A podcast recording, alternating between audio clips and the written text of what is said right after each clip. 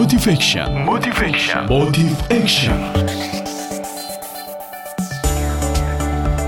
Assalamualaikum warahmatullahi wabarakatuh Mitra Muslim Kita tentu selalu berhubungan dengan orang di sekeliling kita Manusia adalah makhluk yang tidak mungkin tidak berkomunikasi Karena komunikasi adalah bagian dari kita meraih kesuksesan Siapa contoh paling tepat berkomunikasi paling pas dan paling tepat. Tiada lain adalah Rasulullah.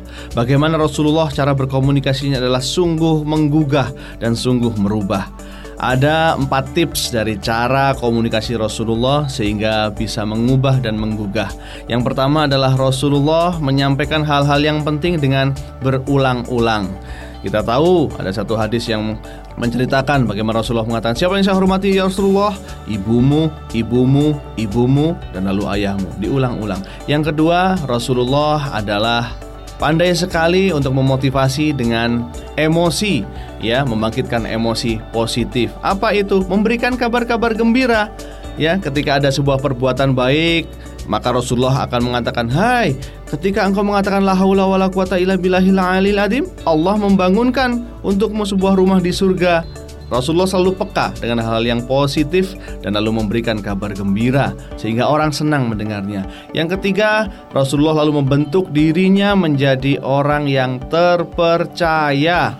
Karena demikianlah beliau mempunyai gelar yang sungguh indah, Al-Amin. Bagaimana caranya? Pastikan Salah satu prinsipnya adalah bagaimana wajah ini ketika pertama dilihat orang adalah wajah yang terpercaya. Apa nih tipsnya sederhana? Wajah yang terpercaya adalah dalam sebuah ilmu tentang pikiran seseorang wajahnya yang cenderung simetris maka akan lebih mudah dipercaya. Bagaimana itu? Apakah pakai operasi plastik? Tidak. Kita pakai senyum seperti yang diajarkan Rasulullah. Banyaklah senyum, wajah Anda akan lebih dipercaya.